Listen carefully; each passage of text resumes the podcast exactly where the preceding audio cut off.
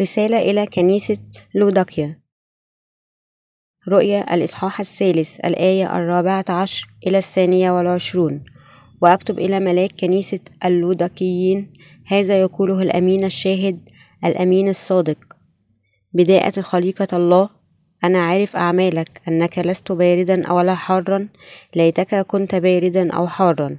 هكذا لأنك فاتر ولست باردا ولا حارا أنا مزمع أن أتقياك من فمي لأنك تقول إني أنا غني وقد استغنيت ولا حاجة لي إلى شيء ولست تعلم أنك أنت الشقي والبائس وفقير وأعمى وعريانا. أشير عليك أن تشتري مني ذهبا مصفى بالنار لكي تستغني وثيابا بيضا لكي تلبس. فلا يظهر خزي عاريتك وكحل عينيك بكحل لكي تبصر. إني كل من أحب أوبخه وأؤدبه فكن غيورا وتب. هانذا واقف على الباب وأقرع. إن سمع أحد صوتي وفتح الباب أدخل إليه وأتعشى معه وهو معي. من يغلب فسأعطيه أن يجلس معي في عرشي. كما غلبت أنا أيضا وجلست مع أبي في عرشه. من له أذن فليسمع ما يقوله الروح للكنائس. التفسير. الآية الرابعة عشر. وأكتب إلى ملاك كنيسة اللودكيين. هذا يقوله الأمين الشاهد. الأمين الصادق بداية خليقة الله. ربنا جاء إلى هذه الأرض وأطاع الله الآب حتى إلى موته لكي ينجز إرادة الله. بكلمات أخرى أطاع أي وصية بأمين. إذا كانت إرادة الآب ربنا هو الخادم الأمين لملكوت الله الآب والشاهد الحقيقي الذي شهد لنفسه كابن الله والمخلص. ربنا هو إله خلق البداية. الآية الخامسة عشر أنا عارف أعمالك أنك لست باردا ولا حارا ليتك كنت باردا أو حارا وبخ الله خادم كنيسة لوداكيا لإيمانه الفاتر. هذا الخادم استحق غضب الله.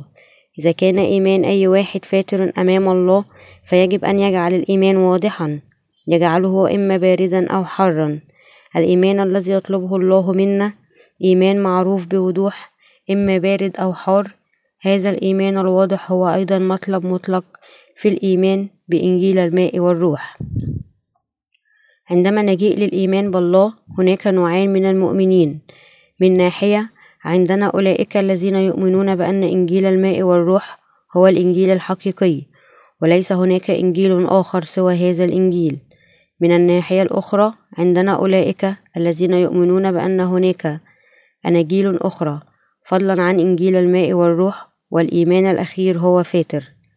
يعتقدون بأنه يكفي أن تؤمن بيسوع وأنه ليست هناك حاجة لأن تفصل بين الإنجيل الحقيقي والإنجيل الباطل. البعض منهم حتى آمن بأن يسوع ليس المخلص الوحيد لكن الخلاص يمكن أن يوجد في داخل أديان أخرى في هذا العالم أيضا مثل إيمانهم. إيمان خادم كنيسة لوداكيا كان فاتر أيضا بدون أي افتراق واضح بين الإنجيل الصادق والباطل أنه ليس هناك إنجيل آخر سوى إنجيل الماء والروح. لهذا هذا الخادم جلب القلق الله وجمع غضبه. الآية السادسة عشر هكذا لأنك فاترا ولست باردا ولا حارا أنا مزمع أن أتقياك من فمي. ربنا الله طلب إيمان واضح من خادمه يجب أن ندرك أن الله لا يقدر إيمان لا هو حار ولا بارد عندما نؤمن بالرب. إذا يجب أن نضبط قلوبنا بوضوح وبشكل غير غامض بالقياس إلى كلمة الله ونقف ثابتين على إرادته بالإيمان بها. أولئك الذين ولدوا مرة ثانية يجب أيضا أن يقفوا بوضوح على جانب إنجيل الكتاب المقدس للماء والروح. وبدون حلول وسط يواجهون أولئك الذين ينشرون إنجيلا آخر فضلا عن هذا الإنجيل الحقيقي. الله يخبرنا أنه إذا لم يقف الأبرار على الجانب الواضح للإيمان فستقياؤهم أيضا. أين؟ إذا يقف إيمانك الآن. الآية السابعة عشر.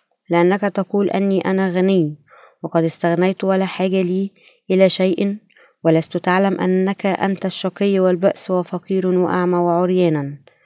أولئك الذين إيمانهم في الرب هو إيمان فاتر يعتقدون بإيمانهم أنه جيد ولذا يبقون غافلين لفقر إيمانهم؟ لأن خادم كنيسة لوداكيا قد نظر أيضا بإيمانه الفاتر هو أيضا فشل في أن يدرك بالضبط كم هو تعس في الحقيقة. ليكون عندك إيمان واضح وجازم إذا تحتاج أن تواجه محاكمات واضطهاد لأجل الحقيقة وتذهب خلال معركة الإيمان ضد الكذابين.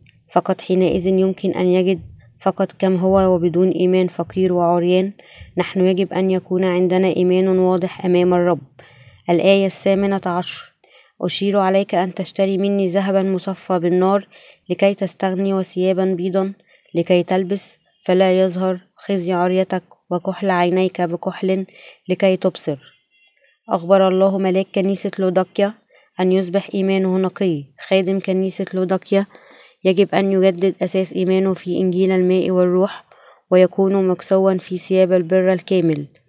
يجب أن يرى نفسه أيضا يعود ويعيد تعريف إيمانه بوضوح. يجب أن يحفظ إيمانه في المصابرة ويتعلم وينجز أمله بتنقية إيمانه. أنت أيضا يجب أن تجوز خلال الظلم الشديد والاضطهاد لأجل إنجيل الماء والروح. إنجيل الحقيقة المعطى من قبل الله فقط عندئذ يمكن أن تدرك كم هي ثمينة حقيقة إنجيل الماء والروح هذه. هل سبق أن كسرت برك الخاص البشري لتحفظ بر الله المكتسب خلال إنجيل الماء والروح؟ أولئك الذين كسروا البر البشري يعرفون كم هو ثمين ومبارك بر الله. يجب أن تدرك بأن بدون إيمانك الذي يثق في الرب حياتك الإيمانية تتحول ببساطة إلى حياة بائسة. إذا يجب أن تتعلم من الإيمان الذي أعطاه الرب إلى خدامه السابقين لنا وتغطي خزي عدم إيمانك. نحن لا يجب أن ننسى حقيقة أنه لنتعلم الإيمان الحقيقي فذا يتطلب تضحيات لأن الإيمان الحقيقي يتعلم بتتبع طريق إيمان الأولين الروحيين خطوة بخطوة. يجب أن ندفع ثمن التضحية يجب أن نكون مستعدين لأن نفقد أشياء العالم لأجل إنشاء ملكوت الرب ولأجل تقدم إيماننا ونرمي كل شيء لأجل الرب. الآية التاسعة عشر إني كل من أحبه وأوبخه وأؤدبه فكن غيورا وتب. الرب يوبخ ويعاقب أولئك الذين يعرفون ويؤمنون بحبه إذا كان إيمانهم بدون أعمال. أولئك المحبوبين من قبل الرب إذا يجب أن يعملوا بجدية. لأجله ويتبعوه بالإيمان الحقيقي. الآية العشرون هانذا واقف على الباب وأقرع. إن سمع أحد صوتي وفتح الباب أدخل إليه وأتعشى معه وهو معي. أولئك الذين أصبحوا خدام الله يشاركون حياتهم معه كلم في البهجة وفي الحزن. أولئك الذين يعملون للرب يعيشون بالإيمان دائما بكلمة الرب وخلال إيمانهم ربنا ينجز دائما كل أعماله. الآية الحادية والعشرون. من يغلب سأعطيه أن يجلس معي في عرشي كما غلبت أنا أيضا وجلست مع أبي في عرشه. الإيمان الحقيقي يكسب أو يفقد اعتمادا على سواه إن كان الواحد مستعد أن يعانق الاستشهاد أم لا. أولئك الذين يحاربون ضد الشيطان بالإيمان بكلمة الرب. سيكسبون النصر ويكونون ممجدين مع الرب. القديسين وخدام الله ينشغلون دائما في معركة روحية ضد الشيطان. في هذه المعركة يمكنهم أن ينتصروا دائما بالإيمان بكلمة الرب أولئك الذين ينتصرون هكذا في قتالهم ضد الشيطان سيكونون ممجدين مع الرب. الآية الثانية والعشرون من له أذن فليسمع ما يقوله الروح للكنائس.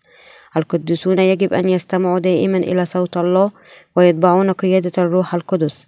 عندما يعملون هذا إيمانهم يصبح سائرا بالروح القدس والنصر الروحي سيكون دائما لهم.